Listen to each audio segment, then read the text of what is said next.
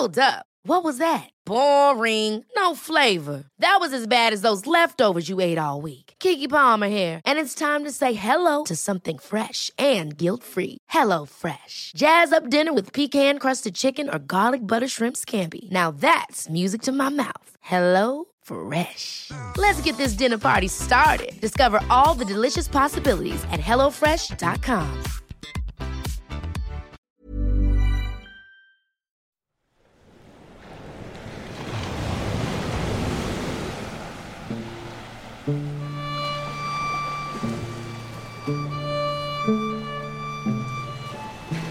Mit navn er Jonathan Harbo.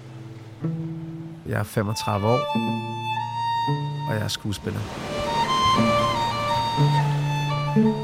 I dag kan du møde skuespilleren Jonathan Harbo. Jonathan startede sin karriere et helt andet sted, nemlig som kok. Men det holdt ikke hans interesse, så maden blev byttet ud med en seriøs modelkarriere, hvor København blev skiftet ud med Paris. Så tog Jonathans liv en ny kurs, for han besluttede sig for at tage en treårig uddannelse på det daværende teater- og filmskole Holberg. Og herefter blev hans skuespillerkarriere skudt i gang, og Jonathan hoppede direkte fra skolen over i tv-serien Shit Happens. I 2019 spillede han hovedrollen i den anmelderroste kortfilm For enden af regnbuen og fik en ekopris for bedste mandlige skuespiller. Efterfølgende kom der også flere serier, såsom Alpha og film i ind- og udland.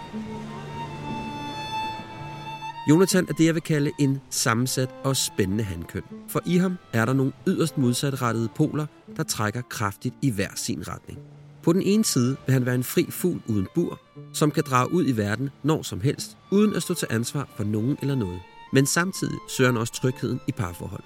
Denne kompleksitet er ikke tilfældig, for Jonathan har en stor del af sit liv været meget sorgfuld til stede i verden på sin helt egen unikke façon. Og oven i det, så har han haft nogle helt afgørende og voldsomme livsændrende vendepunkter, der i den grad har farvet hans liv og personlighed, som dagens episode også vil afsløre. I dag taler Jonathan og jeg blandt andet om, hvordan man balancerer ansvaret i sit liv, om følelsen af at være en enlig blomst på en forblæst mark, og hvordan en harmløs svømmetur i Thailand ændrede hans liv for altid.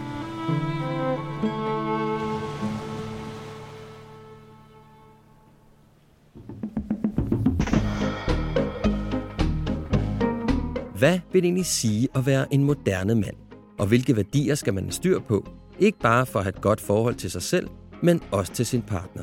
Disse spørgsmål og mange flere taler jeg om med mænd, som jeg finder inspirerende, og spørger ind til, hvad deres livserfaringer har lært dem. Alt sammen for at blive klogere på mig selv og min identitet som mand. Mit navn er Mikkel.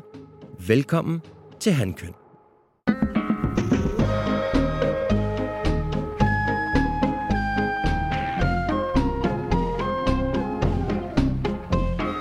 Velkommen, Jonathan Harbo. Mange tak.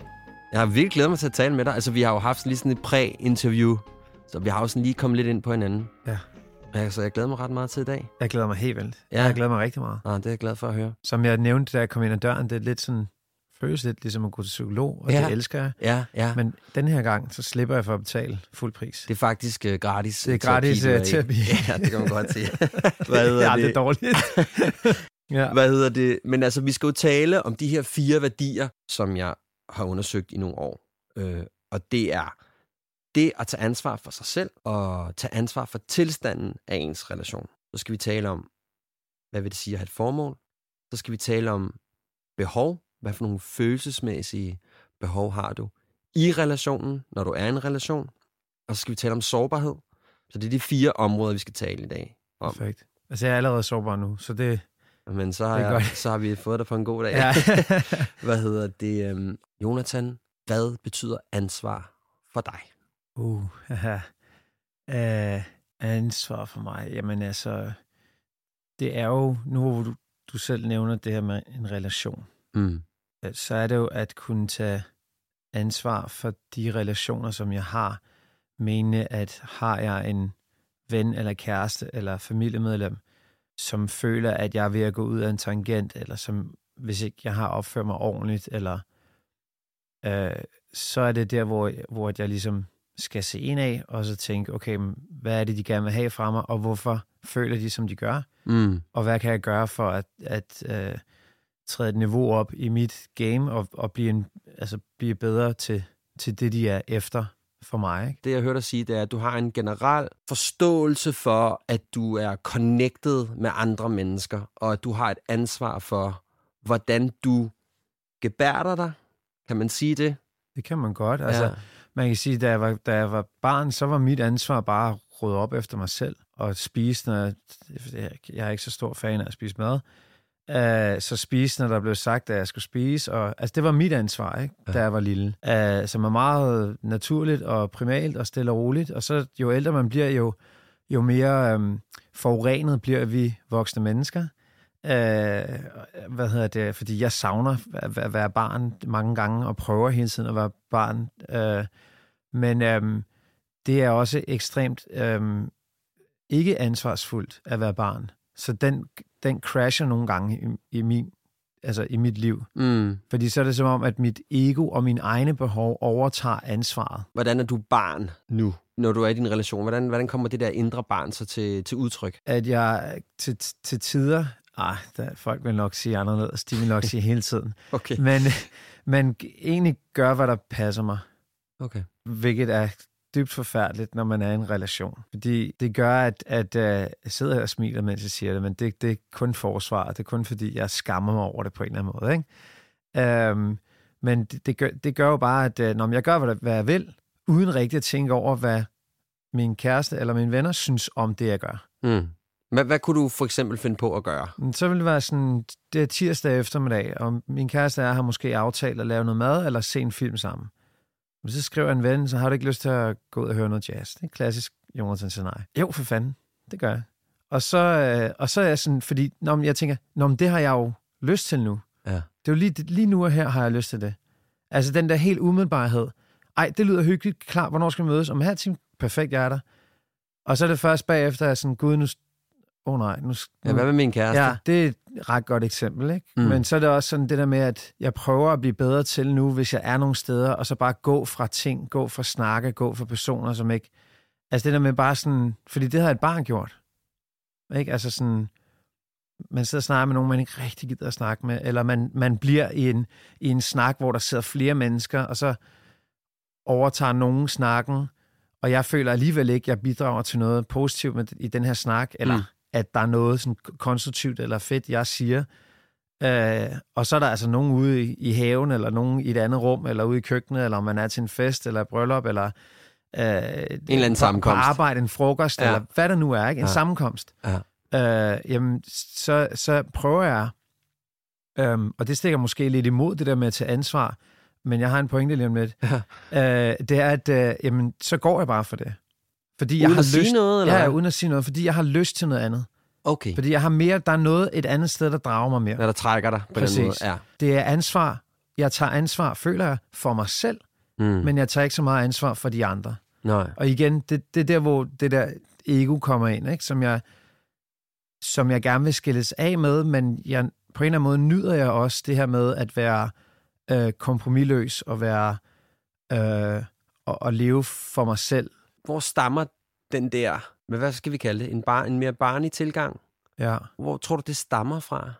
Altså, øhm, jeg ved kvæg min, min psykolog, at der, og min øh, psykiater, der, har, der er rigtig meget af det her, der kommer fra, fra jeg var 16 til jeg var 21, hvor jeg har nærdødsoplevelser. Øh, mit hjerte stoppede, jeg blev, blev erklæret klinisk død. Øh, hvad hedder det? Jeg oplevede at miste min morfar, som betød rigtig meget for mig, da jeg var 16. Min far er taget til Brasilien. Vi blev skudt efter, var, var ved at blive ramt.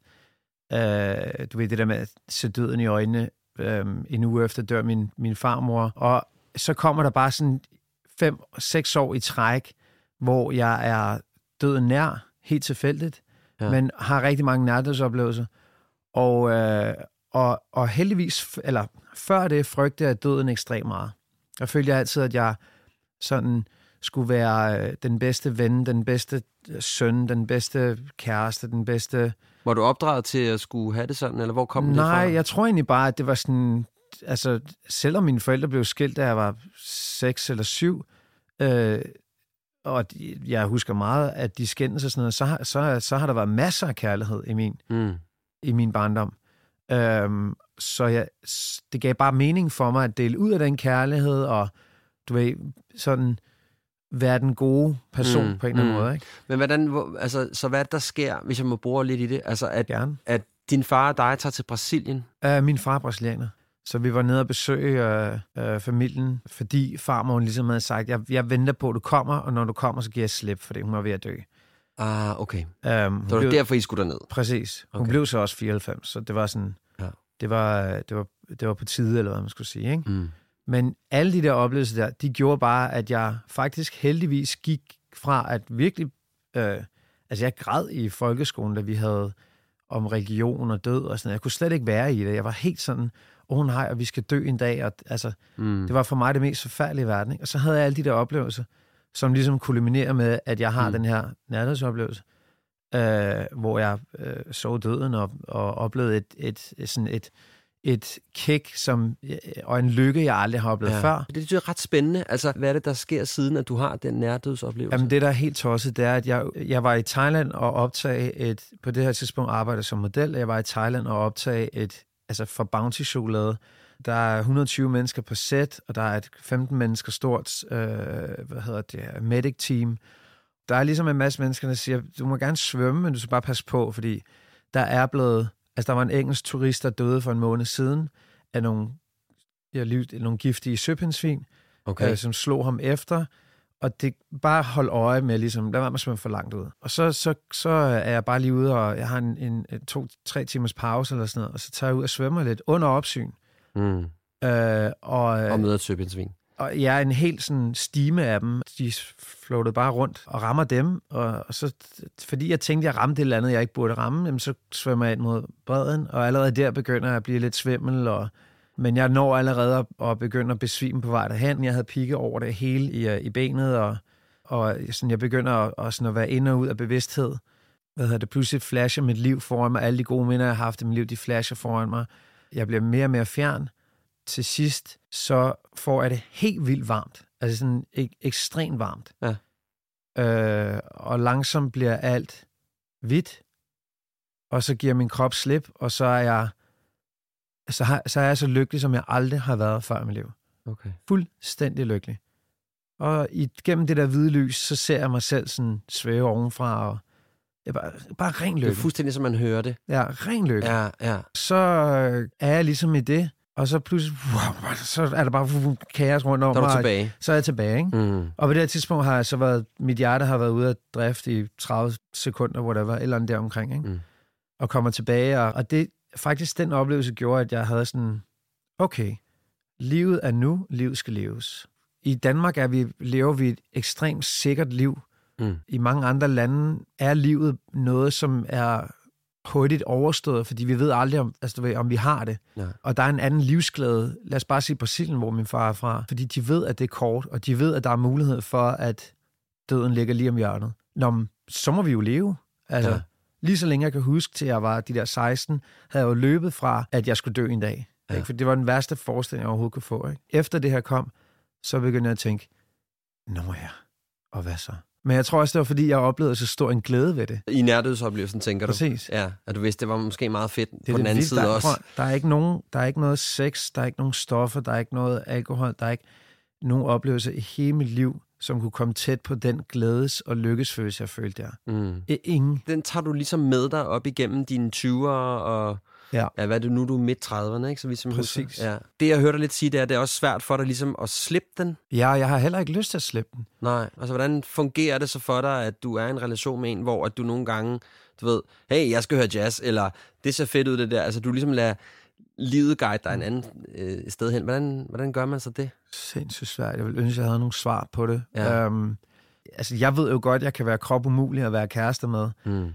Um, jamen, jeg har sgu ikke noget godt svar til det. Det er jo bare det der med, at jeg hele tiden skal opveje for mig selv, hvor meget gør det, hvor vigtigt er det for mig, Mm. at jeg gør det her lige nu for mig selv, kontra at den person, jeg er sammen med, bliver ked af det. Så når, er det virkelig vigtigt? Kan det vente til i morgen? Ja. Eller? At du prøver at bygge en anden form for bevidsthed om, at den der ønsket om at leve og så videre, bliver også nødt til at være vejet op imod, at- at der er et andet menneske i dit liv, som betyder noget for dig. Ja, men den er rigtig svær. Den er rigtig svær, fordi når jeg så skal tænke langsigtet i forhold, så er jeg sådan, om, kan det gøre mig glad at have et, i går så en stabil liv med, mm. en, med en forudsigelig hverdag. Det kan godt være, at jeg vågner op som om 10 år, for nu, Mm. nu er jeg 35. Det kan godt være, at jeg vågner op som 45 og jeg tænker, og nu har jeg brug for ro, nu har jeg brug for den der. Men der ligger hele tiden sådan en rodløshed i mig, som jeg har haft, siden jeg var helt lille. Okay. Så du har en kæmpestor behov for at føle, at du er fri. Gigantisk. Hvordan fungerer det så, når man er i en relation? Forfærdeligt. Altså, nogle gange vil jeg ønske, at jeg var ligesom de andre. Giver det mening? Ja, det giver total mening. Ja, Jeg tror, det, at rigtig mange har, os, har det på den Jamen, måde. jeg tror, der er mange mænd, der har den der... Altså, jeg kan også godt kende den der fornemmelse af, at, at bare have lyst til at gøre, hvad jeg vil. Og den kan jeg sagtens kende for mig selv også. Selvfølgelig har, har jeg tænkt over, at der er nogle af mine tidligere forhold, hvor de har synes, at det har været måske lige ekstremt nok, Mm. og de har sikkert haft deres grunde til at slå op og sådan noget. Ikke? Det længste forhold, jeg har haft, var otte år med en, en, en svensk kæreste, men jeg tror også, at det fungerede så længe og så godt, fordi vi faktisk var Ja, På er langdistance. langdistance, ja. Øh, skrøbelighed skal vi jo snakke om senere, men Mm. jeg er øh, ekstremt skrøbelig, og, øhm, og i virkeligheden, jeg, jeg, jeg føler mig virk, i virkeligheden som sådan en blomst, der står helt alene på en mark. Ja. Og bare, jeg ved, at jeg bliver spist på et tidspunkt, jeg ved, at vinden kan vælte mig, jeg ved, altså, jeg nyder at være der, men, men jeg ved også godt, at... Du at forstår skrøbeligheden. præcis, jeg, Ja. forstår, jeg er bevidst om min egen skrøbelighed, ikke? Ja. Og, øh, og jeg kan godt nå rigtig langt ud i perioder, hvor jeg ikke har nogen til at samle mig op på daglig basis. Havde jeg nu været milliardær, havde jeg måske været hos min psykolog hver dag, men det ville hun også blive træt af. Og jeg også Højst sandsynligt, ja. ja, ja. Øhm, men, Men så der er noget med, at den skrøbelighed, du har, den kan din... nogle af dem kunne. Min, min, min mor og jeg har ikke altid haft det bedste forhold, men det har vi nu. Mm. I rigtig stor del af mit liv har jeg søgt kvinders accept, kvæg jeg ikke fik den rigtig, fra jeg var sådan midt teenage til midt 20'erne. Så jeg, jeg søger den, og jeg leder efter den, og jeg hunger efter den. Og en kæreste skal jo ikke overtage en moderrolle. Nej, helst ikke. Overhovedet ikke. Mm-mm. Altså, men, men der er sikkert noget underbevidst psykologisk i, at jeg trives i at have en kvindelig figur i mit liv, som gør mig tryg. Ja. Det gør min mor også nu, men det havde vi en periode, hvor jeg Sådan følte, det at det ikke var sådan. Nej, nej. Hun har sikkert en anden øh, oplevelse af det, og hvis hun hører det her, bliver hun sikkert ked af det. Men det er sådan, jeg havde det i hvert fald. Ja, ja. Det er jo det har følelser. Vi, præcis, og det har vi også snakket om. Ja. Her, ikke? Så jeg føler ikke, at jeg lægger hende ud her Nej. det sagt, øhm, så er det trygheden for mig gør jo bare, at jeg føler, at der er et, en eller anden form for sikkerhedsnet, og at jeg har en, jeg kan komme til med min skrøbelighed og med mine sådan komplekser og mine psykiske problemer. At der er en, som ikke dømmer mig, og, og som er der for mig. Du sagde her i starten, øh, da vi talte om, hvad er ansvar for dig, siger du, jamen du, du er også bevidst om, at der er noget med at være opmærksom på andre, og finde ud af, hvordan kan jeg ligesom være noget for dem i relationen, og skal jeg, skal jeg justere mig selv, eller eller andet.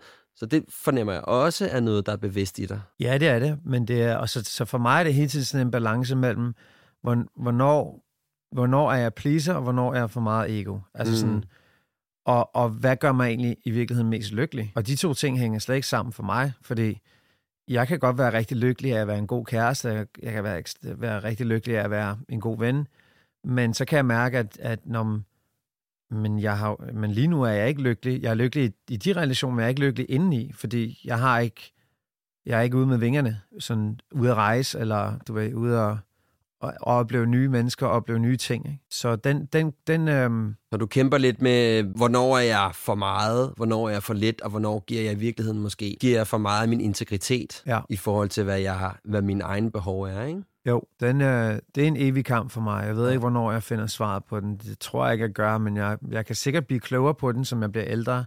Og om 10 år, hvis jeg hører det her om 10 år, så tænker jeg sikkert, nå shit, der var jeg der. Øh, men det, altså, ja. jeg ved, men lige nu ved jeg bare, at lige nu er jeg langt fra et svar. Jeg, jeg, jeg arbejder øhm, aktivt på at prøve at finde ud af, hvor roden er i alt det her. Hvad, hvad, hvorfor har jeg det på den her måde? Ja. Ja. Og jeg er gudskelov de sidste, siden nytår, er jeg blevet meget mere bevidst om det her med, at for i gamle dage, så hvis jeg havde alle de her tanker, og jeg følte mig låst i noget, eller et forhold, eller, men så var min go-to bare at eskapere. Ja, Ud og drikke, væk. Mm. væk. Fysisk væk. Bare bedøve, ikke? Selvmedicinere, ikke? Og jeg er rigtig glad for, at jeg nu er ved at blive bedre til at, at, sådan, at lokalisere det, når det er ved at ske. Altså, alene, altså, for eksempel, jeg har sindssygt svært ved at være al, alene hjemme en hverdagsaften. Okay, der Så- skal ske noget. Der skal ske noget. Jeg, jeg er jo hjemme hele... Jeg er jo oftest, medmindre jeg optager et eller andet i to måneder i streg, eller tre måneder, det kan også bare være en uge eller to uger, så, så, er det jo, så har jeg et mål med noget, og så, skal jeg, så har jeg et ansvar for...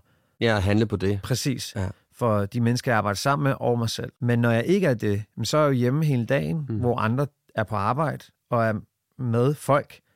Så når de er hjemme, så har de brug for at være alene, hvilket giver god mening. Men jeg laver den jo omvendt. Jeg er jo alene hele dagen. Og så, øh, når det bliver aften, og mine venner har fri, så har jeg jo lyst til at være ude, og jeg har lyst til at...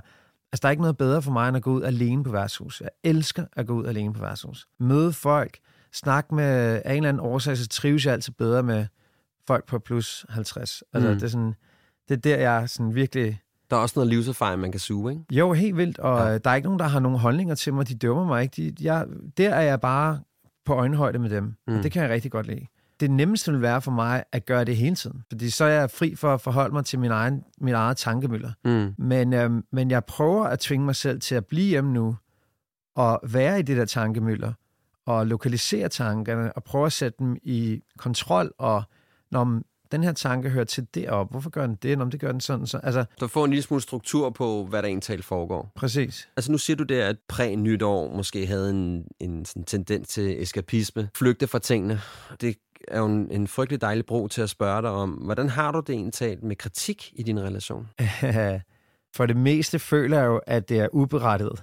Ja. Men som dagene går, kan jeg godt se, at det måske er berettiget. Så mit, mit første forsvar er jo altid at blive sur Altså ikke råbe og skrige, men bare blive indenbrændt. Så altså, det, det, det, det er sådan noget, jeg virkelig prøver at være god til sådan at tage. Og ja. være sådan, Jonas, nu må, du, nu må du simpelthen høre efter, hvad hun siger. Og hvad er det eneste, hun prøver at sige til mig? Præcis. Ja. I stedet for bare at lukke ned og blive sur. Ikke? Det er sådan så klassisk en, en igen sådan børne ting at bare sætte sig med lukket cross på, bare være sådan, gider ikke at høre på dig. Bare ja. giv mig et stykke kage.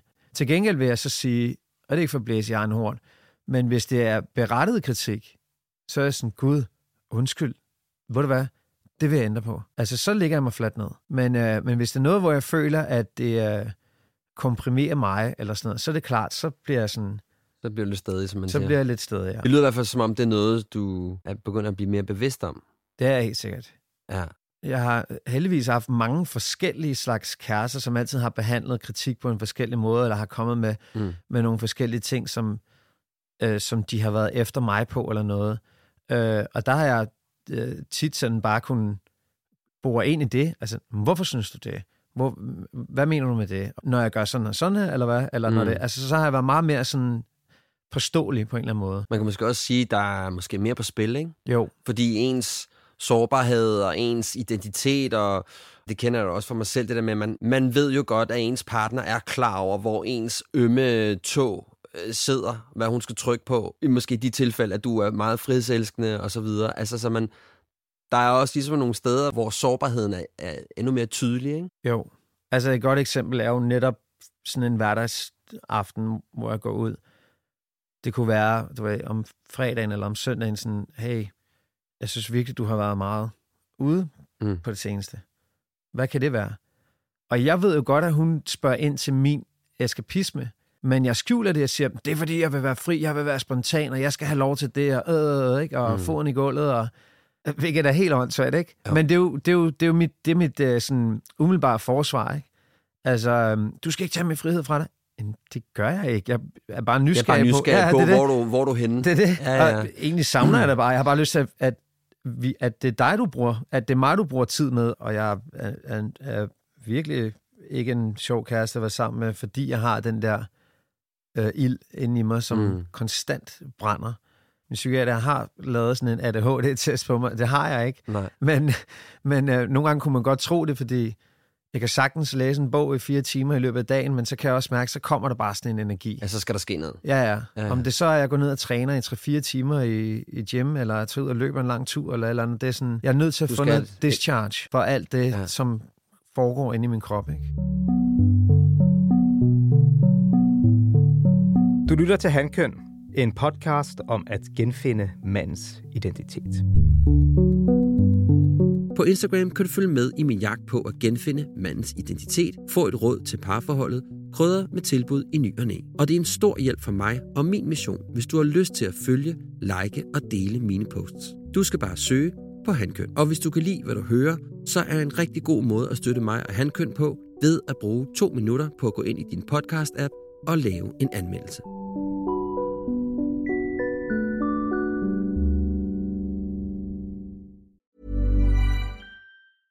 I'm Sandra, and I'm just the professional your small business was looking for. But you didn't hire me because you didn't use LinkedIn jobs. LinkedIn has professionals you can't find anywhere else, including those who aren't actively looking for a new job but might be open to the perfect role, like me.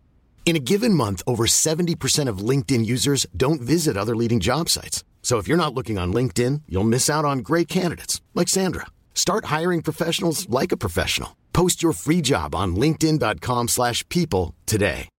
Here's a cool fact a crocodile can't stick out its tongue. Another cool fact you can get short term health insurance for a month or just under a year in some states. United Healthcare short term insurance plans are designed for people who are between jobs, coming off their parents' plan, or turning a side hustle into a full time gig. Underwritten by Golden Rule Insurance Company, they offer flexible, budget friendly coverage with access to a nationwide network of doctors and hospitals. Get more cool facts about United Healthcare short term plans at uh1.com. Og nu tilbage til episoden. Det næste, jeg rigtig gerne vil tale med dig om, det er det at have et formål i livet. Altså, hvad er det, man gerne vil bidrage med ud fra hjemmet. Jeg følte i mange år, at det, jeg lavede, det gjorde mig ikke sådan rigtig glad, men det gjorde mig heller ikke rigtig sådan ked af det. Altså, jeg var, det var sådan en mellemfornøjet oplevelse. Har du gjort dig nogle tanker om, øh, hvad dit formål er i livet? Ikke rigtigt. Mm-hmm. Men det er, fordi jeg synes, livet er totalt meningsløst. Nå, det vil jeg da gerne høre om. Hvordan er det meningsløst? Det er jo bare meningsløst, fordi det er meningsløst. Altså, der er ikke nogen, der, der er jo ikke nogen, I vil prøve, der, jeg synes ikke, der er nogen pointe med livet. Jeg kan ikke sætte mig ind i, hvad meningen skulle være. Og jeg, jeg har respekt for, at folk finder religion eller finder andre ting, som giver dem et, en mening i livet. Men når man ser på det helt sådan videnskabeligt, Ja. øh, så synes jeg overhovedet ikke, der er nogen mening med det. Vi, verden opstod, og øh, så blev vi født, og vi dør. Det er faktisk det, det handler om. Og på et eller andet tidspunkt, så brænder jorden sammen. Ja. Og hvad har, hvad har så formålet været med, at jamen, det er da for fantastisk, at Hemingway har eksisteret for mit liv. Altså, sindssygt dejligt. Mm. Skrevet, skrevet nogle rigtig, rigtig fede bøger. Og det er dejligt, at, at Hawking er der, og det er dejligt, at nogle mennesker, som har gjort et, et stort øh, indtryk på folk, har været der. Men der er ikke nogen om tusind år, der synes, det er spændende. Hvorfor er du så skuespiller? jeg er skuespiller, fordi jeg, øhm, jeg, da jeg var lille, og nogle gange ikke følte mig tilpas i hjemmet, og følte, at jeg havde igen brug for at eskapere, så forsvandt jeg ind i den fiktive verden. Jeg forsvandt ind i Walt Disney-filmene, i de, i de film, vi så på, på VHS derhjemme, og elskede at være der. Og det blev bare ved og ved, og min fantasi blev bedre og bedre, og for hver ny Walt Disney-film, jeg så, så, så satte jeg mig ind i den karakter, og, og, øh, og det, var, det var ligesom sådan, det var for mig sådan den største, største glæde og tryghed i min barndom, det var at svømme ind i det. Mm. Og, øh, og så blev jeg teenager, så Godfather, og så jeg sådan, nå ja, okay, det skuespil, jeg skal være. Øh, så senere blev det, altså her på de sidste par år, kom tilbage til formålsting der. Mm. Jeg føler ikke, jeg har det, store, det store formål i mit liv. Jeg elsker at være en god ven, og en god bror, og, en, og, og være der for mine venner og min familie. Det er ligesom, det er et rigtig fedt formål at have. Mm. Mit formål har... Men det vil jeg vil sige, det var jo op i dit ansvar, ikke? Jo, I min optik. jo, men det, er sådan, det, det, det gør mig glad at Ja. kunne give mine venner kærlighed, eller familie, kæreste, Mm. kærlighed. Det gør mig glad, ikke? Men formål sådan rent professionelt har jeg egentlig, altså med, med Shit Happens, den her ungdomsserie, jeg lavede i fem år, ja. så er der en masse unge mennesker, som, som har kunnet synes, min karakter var sjov, og, og det, det har der måske været lidt sådan en lille følelse af formål i, men det var egentlig først efter, at jeg lavede, jeg lavede Alpha, og ja, primært Alpha, hvor jeg havde den her lille rolle, men jeg kan bare mærke, når jeg er ude, øh, at folk responderer med knus og med tårer i Mm. øjnene, og Hvorfor tror du, de gør det? fordi de, kunne, fordi de har kunnet mærke min skrøbelighed i det. At, altså, jeg, at jeg har givet rigtig meget af mig selv Okay. i den rolle. De har kunnet projicere deres skrøbelighed over på mig, og har på en eller anden måde kunnet bruge den til Ja. noget fornuftigt. Eller ja. og måske i virkeligheden se, at de ikke er måske de eneste i verden, der har skrøbelige. netop. Ja, at selv fordi min karakter var ret hård udenpå, men jeg gav ham skrøbelighed, fordi det synes jeg klædte karakteren, og brugte min egen i den. Ja. Jeg, jeg tror, det er første rolle, jeg har haft, hvor jeg, hvor jeg virkelig har følt sådan, Ah, okay. Nå, men så var det ikke kun ud fra et selvisk udgangspunkt, at jeg synes, det var fedt at lave rollen. Men nu er der oven i købet andre, som faktisk er blevet påvirket af det. Mm. Det er rart, fordi når jeg går på museer, så føler jeg også, at kunstnerens formål har været at fortælle en historie, eller Okay, ja. ja. at formidle nogle, en følelse, den person har haft. Så kunne man lege med tanken, hvis vi bare sidder her og tager den store filosofiske hat på et øjeblik, ikke? Jo. At du er jo meget, synes jeg, som er virkelig prisværdigt, tydelig om, at du er sårbar et menneske, at du føler dig som en sart lille plante, øh, hvad hedder det, eller lille blomst. Nå ja, men altså, øh, kunne man forestille sig, at der måske var noget fint og formålsrigt i at kunne portrættere det at være et menneske, som netop måske var lidt skrøbelig, men stadig har mod på livet og stadig gerne vil leve, og vise det over for andre mennesker. Kunne Ja. det være en måde at, at drive et formål på? Helt sikkert. Helt bestemt. Ja. Ja, nu hvor du siger det, så, så når jeg sidder og har snakket med venner, og uanset om det er blevet lidt sent, eller man er ædru, eller man er fuld, eller, Mm. men når jeg så ligesom åbner helt op, og det er uanset om jeg skal hjælpe dem, eller vi snakker om dem, eller vi snakker om mig, eller vi snakker om noget helt andet, Mm. men når jeg åbner helt op, og jeg tør være helt mig selv, og tør være skrøbelig, så kan jeg jo mærke, at, at pludselig bliver de trygge, og så kan de også være skrøbelige. Ja. Og så fortæller de altid, at det er en befrielse for dem, at de tør være skrøbelige over for mig, fordi de ved, jeg dømmer ikke deres skrøbelighed, fordi jeg har den selv, og der er plads til, at de er skrøbelige. Mm. Det er på en eller anden måde for mig nogle gange, når jeg har haft sådan nogle snakke, så føler jeg helt sådan, åh, sådan jeg slapper bare helt af Ja. efterfølgende. Ikke? Jeg Ja, føler, jeg du, har smidt hjulpet, den, du har hjulpet nogle andre mennesker med at kunne vise det i dem selv, som måske har været, som er rigtig svært at vise over for andre mænd, eller deres partner, eller et eller andet. Ikke? Jo. Jeg sidder bare i hvert fald sådan og tænker, der er jo noget rigtig fint i at være så bevidst om, at man er til på jorden på en specifik måde, og tror at være sårbar og fortælle om det, som du gør offentligt, men også kan krydre ens portrætter i de skuespil, man laver, med den ting. Altså det tænker jeg, der er da ret fint. Ja, det synes jeg også. Umiddelbart. Altså, det, jeg, jeg kan jo bare godt lide, når jeg går på arbejde, at jeg giver noget af mig selv, og det, det er der rigtig mange, der er efter mig for, fordi de er sådan, pas nu på dig selv, du behøver ikke at give så meget af dig selv, og det, det hører jeg fra rigtig mange, som, øh, specielt folk, som har været i branchen længe, og det er jo selvfølgelig, fordi de ved, hvad de snakker om, men Mm. Jeg er ikke enig med dem endnu, Nej. i hvert fald. Fordi jeg elsker at gå på arbejde, og så give alt, hvad jeg personligt har. Jeg fornemmer også, at du ikke lige let løber tør for at kunne udtrykke, hvordan du har det. Nej, overhovedet ikke. Altså, Nej. jeg, min krop er fyldt med, med smerte og med undergrund. Og, altså jo, jeg kan få udløb for den, når jeg er hos min psykolog, men jeg kan få, få nærmest endnu højere grad udløb for den, når jeg er på et sæt. Fordi jeg er nødt til at danse med den. Jeg er nødt til at have den som min partner. Ikke? Og det er jo en fantastisk ting, synes jeg. Altså, nu ved jeg, det er jo ikke mig, der sidder med det samme hav, du har. Jeg har jo mit eget hav. Det er jo en fantastisk ting at have adgang til, og også tænker jeg, når du, når du laver det, du laver, altså at du faktisk kan gå ind og mærke, lynhurtigt kan mærke alle de der facetter, der, der, der er i, ja, i det, du laver, ikke? Jo. Eller den rolle, du skal spille, tænker jeg. Jo. For mig synes jeg, at der er et omrids af noget om at sige, jamen, jeg er udstyret med det her fra naturens side, eller hvad du nu vil have lyst til at kalde det, og jeg vælger at tage det ind i det, jeg laver, for at vise andre mennesker, at det er faktisk okay at være skrøbelig, eller det er faktisk okay at være sårbar, eller det er faktisk okay at være, nogle gange være en lille blomst på en mark, ikke? tænker jeg højt. Helt bestemt. Jeg, tror, jeg tror, jeg vil næsten våge at påstå, at jeg har prøvet at få den ind i alle, altså prøvet at snige den ind i alle de karakterer, jeg har, fordi mm. jeg synes, det er så naturligt at have den med som en karakter. Det er fandme de, de færreste af os, som bare er det vildeste. Og det er der ikke nogen af os, der. Altså, nå, men det er det, jeg mener. Ja.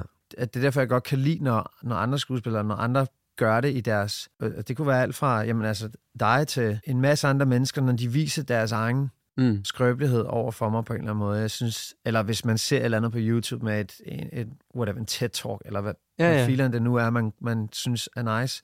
Jeg synes bare, det er rart at se noget menneskeligt, sådan, så det ikke kun bliver Ja, det perfekte er jo dødhammerende kedeligt. helt vildt. Ja. Helt vildt. Og det er jo også, apropos sådan noget med TED Talk for eksempel, altså der, hvor jeg sådan tager hatten af, det er jo netop der, hvor folk tør være sårbare og sige, prøv at høre, jeg, jeg kan godt være, at jeg har succes nu, eller jeg er kommet hertil, men det har været hårdt, og det har været ubehageligt. Altså, det at blotte sig selv, og tale ind i, at der er, altså det kan godt være, at vi alle sammen har skide meget brug for at være så mega perfekte, men der er jo ikke nogen af os, der er. Og, og nogen af os går rundt og er lidt bekymrede for ting og så videre. Jamen det er vi jo alle sammen. At tore portrættere det, tænker jeg, er vigtigt for, for verden. Altså, vil jeg mene. Hvor er jeg det sidder fra, hvor jeg kommer fra. Helt sikkert. Jeg tror, at jeg vil få det bedre, jo ældre jeg bliver, jo mere jeg tør åbne op for alt det lort, jeg har været igennem. For det er jeg ikke klar til nu. Der vil jeg føle et større formål, fordi når jeg først begynder at åbne op for det, så vil jeg også få en masse mennesker, som så, at de kan snakke med mig, hvilket de kan, mm. men at det åbner bare en, det, det kommer til at åbne op for en masse mennesker, som har det på samme måde som mig, og som øh, måske kan få nogle svar, men om ikke andet, øh, ikke have følelsen af at være alene. Altså, jeg, jeg har altid elsket at se på folk, som har det på samme måde som mig, men som bare tør være åbne omkring det, fordi det, mm. så føler jeg på en eller anden måde, at jeg bliver reddet af dem. Mm. Og der er jeg ikke endnu, det tør jeg ikke at gøre endnu, fordi det er stadigvæk det, der skete, er stadigvæk så tæt på, så jeg, jeg er sådan... Du har brug for at arbejde med det. Præcis, jeg ja, har brug for at arbejde med det, og ja, ja. Jeg, når jeg en dag kan grine af det og komme, komme ud af det, men så kan du bruge det jo. Så kan jeg bruge det, og ja. så, så kan jeg bruge det som, et, som både, ja selvfølgelig også i mit fag, men være offentlig omkring det på mm. en eller anden måde, ikke? Så jeg tænker også bare måske, at på den her, som du siger, den her lidt, vi fødes, vi dør, og hvad fanden er meningen med livet, så kan man måske sige, at jamen, hvis Hemingway så måske kunne give os noget god litteratur, så kunne du måske være med til at hjælpe folk, der måske kunne se, at der er andre mennesker, der måske ikke bare har det skide perfekt og skide fedt altid. Og gøre deres liv bedre, inden at de skal dø. Ja, ja. ikke? Jo, jo, men altså de, de få, få, få gange, hvor jeg har sagt en enkelt ting til nogen, som har vågnet op dagen efter og ændret livsstil og, og nu lever det liv, de gerne vil. Jeg tænker personligt, at du har en øh, meget fin gave at give. Lad os se. Ja. Lige nu, der lytter du til Handkøn, en podcast om at genfinde mandens identitet. Jonathan er ikke den eneste skuespiller, der har været forbi mikrofonen og fortælle åbent om sit liv. Du kan også møde David Densig. Jeg har nok set på mine partner, som at de skal være der for mig i større udstrækning, end jeg skal være der for dem. Troels Lyby. Hemmeligheder gør folk ensomme. Og Thor Lindhardt. Vi øver os kun ved at fejle. Du finder link til afsnitten i show notes, eller der, hvor du lytter til dit handkøn.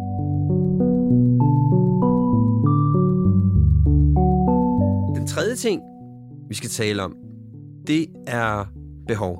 Der taler jeg faktisk om de følelsesmæssige behov, vi alle sammen har i vores relationer for, at vi kan netop føle os trygge, og føle, at vi bliver set og hørt og elsket, øhm, og ikke gå på nogle voldsomme kompromiser med vores egen integritet.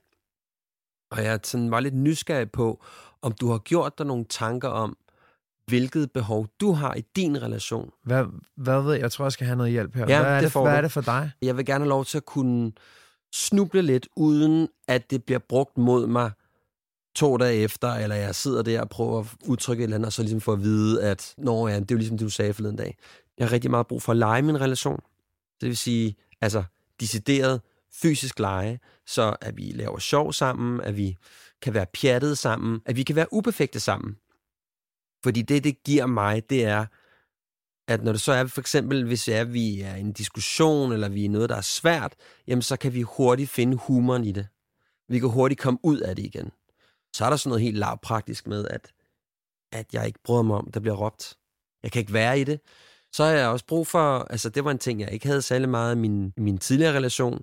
Øh, jeg har brug for at blive set som en mand, at få at vide, at øh, min kæreste synes, at jeg er lækker, eller at jeg har været dygtig og malet væggen flot, eller mm. hvor er det dejligt mad. Altså nogle helt lavpraktiske ting, for det er sådan tit noget, man sådan, du ved, ikke får sagt til hinanden. Så det er nogle af mine behov. Helt klart. Hvad det, tænker du? Om dem kan jeg jo sagtens sætte mig ind i. Jeg har faktisk ikke gjort mig så mange tanker om det. Altså ja. om, om hvad mine behov er, for det andet end, at jeg ved, at jeg var på et tidspunkt i en relation, hvor at hun ikke gav mig plads til at være skrøbelig, mm. og gav mig plads til at græde, og gav mig plads til at være følsom og snakke følelser. Der lukkede jeg ned.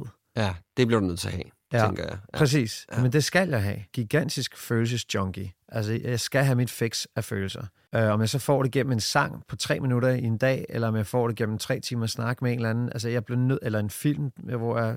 Du skal have kontakt til dit Jeg skal have mit mm. fix af følelser i løbet af dagen. Det skal jeg bare. Sådan er jeg indrettet. Så det er ekstremt vigtigt for mig, at der er, at der er plads til, at jeg kan være skrøbelig. Mm. Og der er plads til, at jeg... Min øh, bedste veninde Sabina, hun driller mig altid med, at søndag er der, hvor øh, Johnny græder.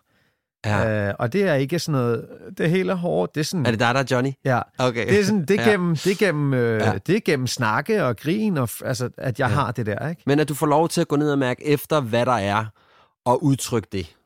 Ja, at det er okay, at jeg har tårer i øjnene, når vi snakker, eller det er okay, at jeg bliver rørt over en sang, eller en film, eller en, øh, et, et maleri, eller en sol, solnedgang, eller øh, altså jeg er jo sådan en idiot, der stopper på gaden for lige at mærke nogle blade, eller duft til en blomst, eller Ja. altså sådan, det er jo, altså jeg dufter altid til græsset, når jeg er ude at gå på græs, fordi det, er sådan, det minder mig om min barndom. Øhm, hvad hedder det? Så jeg har sådan nogle rigtig mærkelige, ekstremt barnlige ting, jeg gør, som er sådan stoppe op og kigge og tage ting ind. Og, Men det synes jeg, der lyder øh, sindssygt sympatisk. jamen det, det, men det, det er det også, ja. altså det, men det er, jo, det er jo let at drille, fordi det, det er, hvilken voksen mand har brug for at stoppe og dufte til nogle blomster. Altså, Det synes jeg faktisk er en, en, en meget interessant pointe, fordi i min optik, der ligger jo livet i der. Altså ja. min optik, der ligger meget livet i detaljen. Altså netop det der med, at du ser, øh, hvad skal man sige, solen ramme en tagflade på en specifik måde, at du går forbi, når syrenerne ligesom blomstrer, man stopper op og dufter til den der, og så får man netop det der billede af, da man var barn. Jeg stopper også op og kigger på, hvordan vandet ser ud, hvad farve det har og sådan noget, fordi der, hvor jeg er, der er det faktisk der nogle gange, hvor jeg kan mærke rigtig lykke. Det er i detaljen, så det kan jeg sagtens sætte mig ind i. Ja. at du har. Den er virkelig vigtig for mig. Ja. Og måske virkelig også være sammen med en person, som respekterer, at du har de behov, at du har brug for at stoppe op for at mærke, sanse et eller andet, eller se noget, eller se en detalje, der interesserer dig, ja. tænker jeg. Jo, helt vildt. Altså, mm. jeg, jeg er ekstremt sanselig, og, og det kan godt skræmme nogen, fordi vi, vi starter jo som helt umiddelbare væsener, og jo ældre vi bliver, jo mere forurenet bliver vi. Og vi går, vi, går, vi går så langt væk fra det, vi kom fra som børn. Du har en datter, ikke?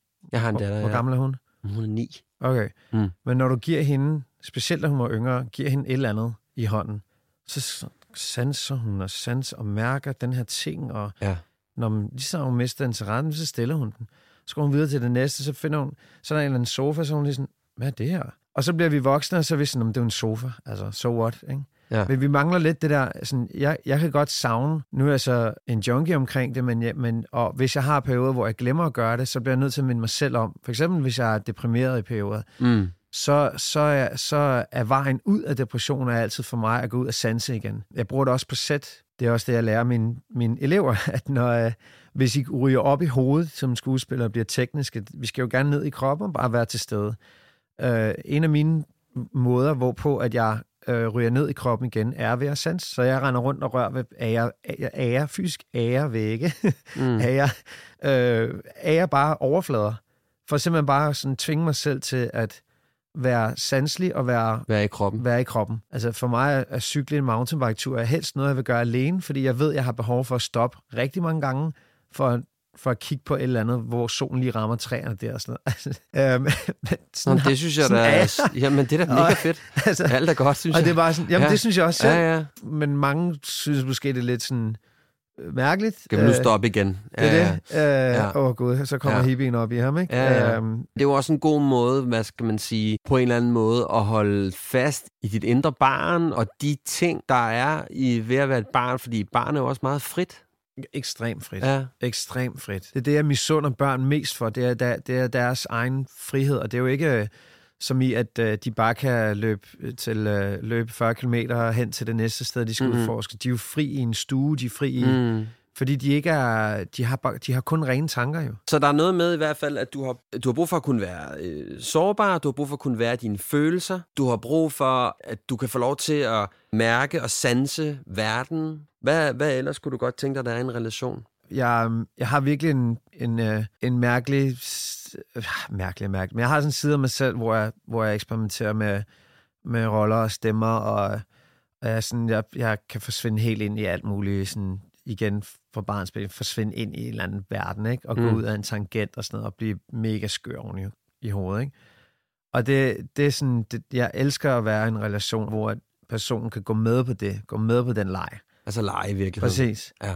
At være lige så quirky og skør og cheeky, som jeg er, det er, sådan, det er også virkelig vigtigt for mig, at der er, at jeg får lov til at, at, at løbe på græs, eller at jeg og som sådan en, du ved, hest, der sådan hopper Ja, ja, ja, frem og tilbage på begge ben, ikke? Og at der kommer noget, noget galskab ind i, ind i roen, fordi det har jeg virkelig meget brug for, mm. at der er. Altså, med andre ord, I kan lege sammen. Ja. Ja. Øh, Hvad, hvad synes du, det giver? Om det er jo bare sådan et, det er jo sådan et fællessprog, som alle kærestepar opbygger, ikke? Altså alle kærestepar har på en eller anden måde deres eget sprog. Er der så en lingo der? Præcis. Ja. ja. Og altså, det er jo forskelligt fra par til par, og, men øh, jeg tror, jamen, det er bare, det er bare rart for mig, fordi jeg føler ligesom, at, ligesom du lidt var inde på, men det her med, at det er det uperfekte, at der, der er ligesom plads til, at man ikke er, altså, når jeg går ud for en dør, for eksempel, nu har jeg, igen, det, det må virkelig ikke lyde forkert, fordi jeg er ikke Christoffer, jeg er ikke Medina, jeg er ikke Nej, alle nej, de nej. der, som, som alle folk du ved, kigger på og vil Mm. have noget fra konstant og hele tiden. Men trods alt lavet nok ting til, at der er rigtig mange, som har et, et, et, et forhold til mig, eller et indtryk af mig, eller en holdning til mig. Og øh, specielt når vi er ude, så vil folk have noget af en og sådan noget. Så jeg har tit sådan en ting med, at når jeg, går ud af døren, så ved jeg, så putter jeg lige sådan en maske på, og så ved jeg, nu skal jeg tone mit craziness ned. Så når vi har det der Ja, for der er øjne, der kigger på dig, ikke? Præcis. Mm. Så når vi har det der sammen, så er det jo sådan en måde at netop at være fri på. Alene på en bar i bilen eller i sommerhus eller sådan noget. Men så er der ikke nogen. Altså, så er det, så er det hende og jeg, leg. som altid har gået i skole sammen. Ikke? Ja. Så er der fri leg, og der bliver ikke dømt på Nej. den fri leg. Mm. Og øh, den er vigtig. Hvad er sådan noget med, altså det, det jeg talte om før med sådan at blive set? Er det sådan noget, du tænker over, at... at Ja, det er det da Mm. bestemt. Jeg må da også være ærlig og indrømme, at, øh, at øh, når man lige sådan kommer hjem efter træning, så venter man lige lidt med at tage t-shirten på efter. Ja, ja, ja. Nå, men hey, og det giver da totalt mening. Øh, men du det er sådan nogle, Ja, ja, det kunne ja. godt være sådan nogle små ting, ikke? Altså sådan, altså se mig, ikke? Altså, øh, nu er jeg ikke den store, fordi jeg ikke er, er vild med mad og vild med at spise, så er jeg ikke, så er jeg ikke den store. Mad er for mig ren overlevelse, så, så jeg er ikke den, Okay. selvom jeg har gået på kokkeskole i et halvt år kun, Ja. øh, så, så har jeg ikke sådan den store nødvendighed for at brillere i køkken og sådan noget, så det er Men du kunne lige... godt finde ud af at lave det ikke. Det kan jeg godt. Ja. Ja. Det kan jeg godt. Og jeg kan også godt finde ud af at lave mad. Det er bare ikke så tit, jeg gør Ja. ja. det. Altså, det kunne også være sådan noget som at hugge branden, eller du ved, være sådan, være, være, øh, og det må, det må man jo ikke sige i 2022, men at det der med at være sådan en mand, som man var mænd i gamle dage, ikke? Ja. Altså, at det var lidt mere sådan om ud og hugge branden, eller du ved, sådan, Ja, ja, altså, byg noget. det Gør et er eller enormt primalt, enormt Ja. plat, men, men der, der er sikkert meget af det, som jeg sådan, hey, se mig, altså. Jamen, det, altså, bror, det kan jeg da fuldstændig kende for mig selv. Altså, jeg har da også sådan... Eller hoppe i jakkesæt, undskyld op mod. Jamen, det må du gerne. Ja. Jamen, præcis. Samme, altså. Jamen, det er jo sjældent, man får at vide, at man ikke ser godt ud i, en, i et jakkesæt. Altså, men jeg kan da sagtens kende det der for mig selv, og jeg har da også det der med sådan... Jeg kan da også godt lide at lære nogle maskuline, nogle, nogle ting, jeg føler, der er meget altså noget, netop som man siger, hugge brand, eller bygge noget, eller grave et hul, eller ja. et eller andet. Og det synes jeg, der er meget naturligt, fordi altså, der er jo også noget lækkert i, at det maskuline tiltrækker det feminine. Altså, vildt. lad os, lad os, det, skal, det synes jeg, det ved jeg sgu ikke om, er, ja, det kan godt være, at det er, vi skal passe på med 2022, men, men det synes jeg da, det, det, sådan har jeg det også. Altså, jeg vil også gerne ses. Jeg passer også, prøver også at passe på min krop, og Ja. det kan jeg sagtens genkende. Ja. Synes jeg ikke er mærkeligt. Ej, det, det synes jeg heller ikke. Det er bare Nej. mærkeligt at sige højt. Nå, ja, men, ja, men, det jeg tror ved- jeg virkelig, hvordan, det tror jeg sgu, der er mange mænd, der har det sådan. Jamen, det er det, jeg tænker, jeg og det er også derfor, jeg deler. Øh, Ja, ja, ja. Fordi hvis, hvis jeg hørte en sige det, så ville jeg tænke, gud ja, det gør jeg jo også selv. Nå, ja. ja. Men det synes jeg, der er nogle meget gode ting. Det er der nogle meget gode behov, du øh, har samlet sammen. Det tror jeg også. Ja. Men skal vi så ikke bare fise videre til den sidste? Lad os gøre det.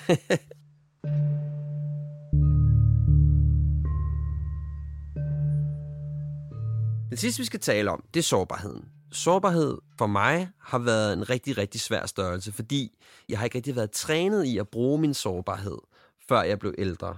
Og det har især været en udfordring, når jeg kom ind i, øh, i relationer med kvinder. Fordi der skal du jo bruge din sårbarhed ret meget, og hvis du ikke bruger din sårbarhed, og ikke forstår vigtigheden i at bruge din sårbarhed, så bliver det jo tit opfattet af din partner som om, at du skjuler noget, eller at du ikke vil fortælle hende, hvad der foregår, osv. Så det har jeg haft ret mange sådan i mine yngre år, og også da jeg blev lidt ældre, øh, haft nogle udfordringer med. Men er blevet, vi er blevet rigtig gode venner nu, min sårbarhed og jeg, og jeg forstår også godt kvaliteten af, hvad det vil sige at kunne udtrykke sin sårbarhed. Hvordan har din sårbarhed det? Rigtig godt. Måske lidt for godt. Ja, jeg, tror, jeg tror, min sårbarhed har, har helt klart taget over min krop.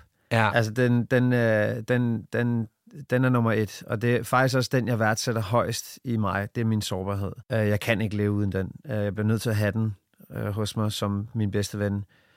Øhm, og jeg føler aldrig, at min sårbarhed går gør mig ondt, ej heller er en fjende til tider. Mhm. Altså sådan, den, den er bare, den, det, det er så vigtigt for mig. Mm. Min far har altid haft den. Altså min far, når jeg ser min far møde min far, så kan han give mig en knus, og så kan han snakke om noget med tårer i øjnene. Eller han er glad for at se mig, og sige, at han elsker mig med tårer i øjnene. Og, jamen altså, for mig har, har, har um, sådan at være et sårbart menneske, har jeg altid forbundet med noget ekstremt maskulint og ekstremt sexet. Fordi jeg synes, mænd, som tør være sårbare, for mig findes der ikke noget sex, mere sexet i en mand, end en mand, der tør være meget sårbar. Og jeg synes, det er så smukt. Ja. Og, øh, og det har jeg altid synes, og jeg har heldigvis altid haft min egen sårbarhed med mig hele mit liv. Jeg, jeg mærker den på, når bare da jeg kom ind her i dag og satte mig ned, så sådan, så, så blev jeg sårbar. Fordi Ja. jeg kunne mærke, at nu skulle vi til at snakke om noget personligt. Er eller, noget vigtigt. Ja, præcis, noget mm. vigtigt, og det er sådan, den, den er heldigvis ikke så langt væk fra mig, så jeg, jeg er bare glad for, at jeg har den. Og har det også været en, en hurdle for dig, nogle gange at være så sårbar? Det er klart, at øh, jeg er sådan en, jeg render rundt med mit hjerte på et sølvfad med husets fineste bestik. Og Sådan, her, tag det. Altså, Ja. til alle. Altså, her, værsgo, værsgo. Nå, vil du også? Nå, her, værsgo. Og det kan, det kan jo godt nogle gange ligesom, man kan godt brænde fingrene på det, ikke? Ja. Fordi øh, hvis du har at gøre med mennesker, som er um, manipulative, eller har et eller andet magtforhold i sig selv, som de har brug for at få udløb af, jamen så er det klart, så er jeg jo den svageste sæber på savannen. Altså, ja, jeg forstår, ja. og så er jeg den, som man går til, fordi de ved, at jeg er i gåsøjne svag. Lad os bare, sårbar er bedre, men er sårbar, ikke? Ja. Øh, så de dufter blod på en anden måde end... end Altså, de vil, de, vil, de vil bruge det imod dig. Præcis. Ja. Øh, men jeg nægter at gå på kompromis med det. Mit breakup i 16 fra en ekskæreste gjorde, at jeg for første gang i mit liv overvejede at ikke være så sårbar. Hvorfor det? Fordi jeg blev knust så meget, at jeg ikke vidste, om jeg kunne komme tilbage igen. Og, øh, Du kunne ikke håndtere, at du var sårbar. Nej, jeg havde svært ved at være i den smerte, øh, personen for, forvoldt mig i breakuppet. Og, øh, og så gik jeg faktisk til min skuespillercoach, eller min mentor, som ligesom har været der for mig og kender min historie bedre end, nærmest bedre end min psykolog. Og sagde, øh, "Fanden, mand, hvad, hvad gør jeg? Hvad gør du? Du må, du må ikke stoppe med at være skrøbelig. Du må ikke stoppe med at give dit hjerte væk. Du må ikke stoppe med at elske. Du må ikke stoppe med at Altså, du skal ikke være ligesom de andre, som bygger en facade op, og som har det der jerngitter foran, foran øh, sin sjæl og Mm. hjerte og sådan. Og det resonerede bare ekstremt meget, fordi jeg ved jo, at jeg trives i det, selvom at det godt nogle gange kan være ekstremt hårdt at være i. Men det var bare en befrielse ligesom at få nogen, som kender mig så godt, til at sige til mig, stop dig selv. Lad nu være med at gå ned i den der indlukkethed. Fordi vi, du, får ikke, du, du som person får ikke noget ud af det. Ja. Altså, jeg vil også sige, at det, jeg har oplevet, efter at jeg ligesom sådan er blevet virkelig gode venner med min sårbarhed, det er, at jeg kan mærke, at mit eget selvværd og min egen integritet virkelig bliver boostet af at bruge det. Altså, det der med at være sårbar over for en kæreste, eller for en ven, eller hvad det nu kan være, at kunne sige, du ved, prøv her, Jonathan, det der, du sagde til mig før, det gjorde mig faktisk super, super ked af det, eller prøv at skat, jeg kan mærke, jeg kan ikke mærke dig. Altså, jeg synes aldrig nogensinde, jeg er gået væk fra en situation, hvor jeg har gjort det, og så tænkt, det var ikke det værd. Og jeg har også lidt haft den samme oplevelse, som du siger, at når det er, jeg har delt min sårbarhed og spurgt, om det var okay, at jeg delte min sårbarhed i en relation, for eksempel, så har jeg altid fået at vide, at de synes netop, det er meget maskulint. De synes, det er meget stærkt. Så det er sjovt, vi har den der idé med, at det er i virkeligheden, at du er, du er i den fesen, Karl. Så skal du have nylonstrømper på og, øh, og læbestift. Ikke? Det er også lidt det, jeg fornemmer, at du har adgang til, lyder det til også øh, i en højere grad, end jeg har, at du forstår styrken i at stå i det, og at dit eget værd skal beskyttes. Helt bestemt. Ja. Jeg tror også meget, det, altså, det har også rigtig meget at gøre med, med, øh, med at have en far, som jeg havde, som eller som jeg har, tør har været skrøbelig over for mig, og tør vise følelser, som har gjort, at, at der måske har været større tilgang til mine følelser, end måske mine kammeraters, hvis fædre ikke har været lige så skrøbelige, og ikke har været lige så hudløs ærlige over for mm. mit livs problemer. Jeg tog at være skrøbelig, ikke? Præcis, Ja. ja. eller, eller ens fars problemer. Ikke? Mm. I gamle dage var det jo meget mere, nu, øh, nu er det jo meget generaliseret, generaliserende det her, ikke? Men, mm. men mange af vores fædre har jo haft sådan en, altså rigtig mange af, af mine kammeraters fædre er enormt lukkede mænd. Ja. Men det tror jeg, der kommer en stor transition af nu. Altså de børn, der er, vokset, der er født inden de sidste 15 år og frem, kommer ikke til at have fædre i lige så høj grad, som er så lukkede, som de var, da vi havde dem. Præcis. Og faktisk er nok min far nok en af de eneste fædre, jeg kender ud af 20-30 venner, som, som tør være øh, skrøbelige, og som tør være emotionel og snakke frit for posen. Og, mm. og, og det, det har givet mig enormt meget styrke. Altså, så, ja. Jeg tænker også, det har været altså, vital for dig, tænker jeg, at du har haft adgang til det, fordi når der er, der sker meget nede i en, og der er mange, når der er meget tumult, tumultarisk øh, tilstand, så skal du jo have en ventil for at komme af med, hvad du oplever indeni, ikke? Okay. Ja, og det er sjovt, fordi jeg har det, det er meget på samme måde med mig. Altså, mange af mine venner, som jo er lige de der 10 år ældre end måske nogle af dine venner er, altså, det, det, det, det er den samme historie. Det er det der med, at deres forældre ikke rigtig, både i nogle tilfælde, både moren og faren, men især faren, som jo ligesom er vores rollemodeller, øh, øh, simpelthen bare ikke øh, har udtrykt, hvornår de var kede af det, eller når de var presset, eller... Altså, jeg kan huske, jeg tror, jeg har set min far græde en gang, hvor han var så mega presset over, at det var noget med, at han havde mistet noget arbejde, og nogle ting og sager, hvor han ligesom sådan, du ved, sådan på vej ned ad trappen, øh, jeg lige sådan så hans øjne, og så gik han ind på toilettet, og så lukkede han. Og det var ligesom, det var den eneste tidspunkt, hvor jeg faktisk så min far var sårbar. Ikke? Ellers så så jeg det ikke rigtigt. Jeg har ikke set det. Mange af mine venner har ikke set det. Og derfor så er det fandme også svært at vide, at det er noget, man skal bruge. Ikke? Jo, bestemt. Jo, fordi hvor, hvor skulle man vide det fra, når man ikke selv har prøvet det som barn eller som voksen? Altså, Præcis. Vi, vi bliver jo ekstremt store produkter af vores forældre, og hvis ikke, altså, heldigvis er der rigtig mange, som hvis de er blevet mishandlet, så mishandler de ikke fremadsigtet. Men de, er stadigvæk, de har stadigvæk en smerte, de bærer, bærer rundt i, ikke? Mm og har, tager, tager en beslutning om, at de, at nu de skal være en anden type forældre, end deres øh, forældre var. Ikke? Men lige præcis sådan noget med skrøbelighed i forældre, det er sådan noget, hvis ikke du har haft det som barn, så er det sgu sjældent, at de personer øh, så går hen og tør være det i deres voksenliv også. Helt enig. Øhm, fordi vi passer på os selv, og det er et helt naturligt forsvar. Mm. Altså, jeg, har, jeg bebrejder aldrig nogen, som ikke er skrøbelige. Aldrig nogensinde. Ja. Fordi enten så har man det, eller så har man det ikke. Og hvis man har det, og man gemmer på det, så er det et forsvar. Mm. Det handler jo rigtig meget om, at hvor meget har du trænet det? Altså, det er jo træning. Hvor meget tør du vise, ikke? Jo. Ja. Nå, vi skal til at runde af, men uh, Jonathan, det, det var fandme, det har været en spændende samtale. I lige måde. Jeg var virkelig glad for, at du havde lyst at øh, dele så meget. Jeg, ja. håber, jeg håber, det var okay. Det var så okay. Jeg føler, at jeg har masser af ting, jeg skulle sige nu, men... Uh, Ved du at vi tager gøre. en par to om nogle år, så kan det være, der er sket noget. Det er det, det, er det, vi skal gøre. Men Jonathan, tusind tak, fordi du gad at tale med mig. Det er mig, der takker. Virkelig.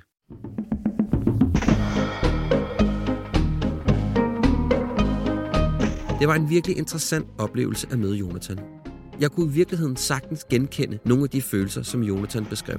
Om det både at have lysten til at være fri, ikke at skylde nogen noget, men samtidig have lysten til at være dybt forbundet. Spørgsmålet er i virkeligheden, om vi ikke alle føler det en gang imellem. Om 14 dage, ja, der skifter vi spor, for der kan du møde den tidligere udenrigsminister og stifter af Liberal Alliance, Anders Samuelsen.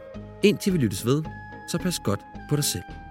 På rigtig godt genhør.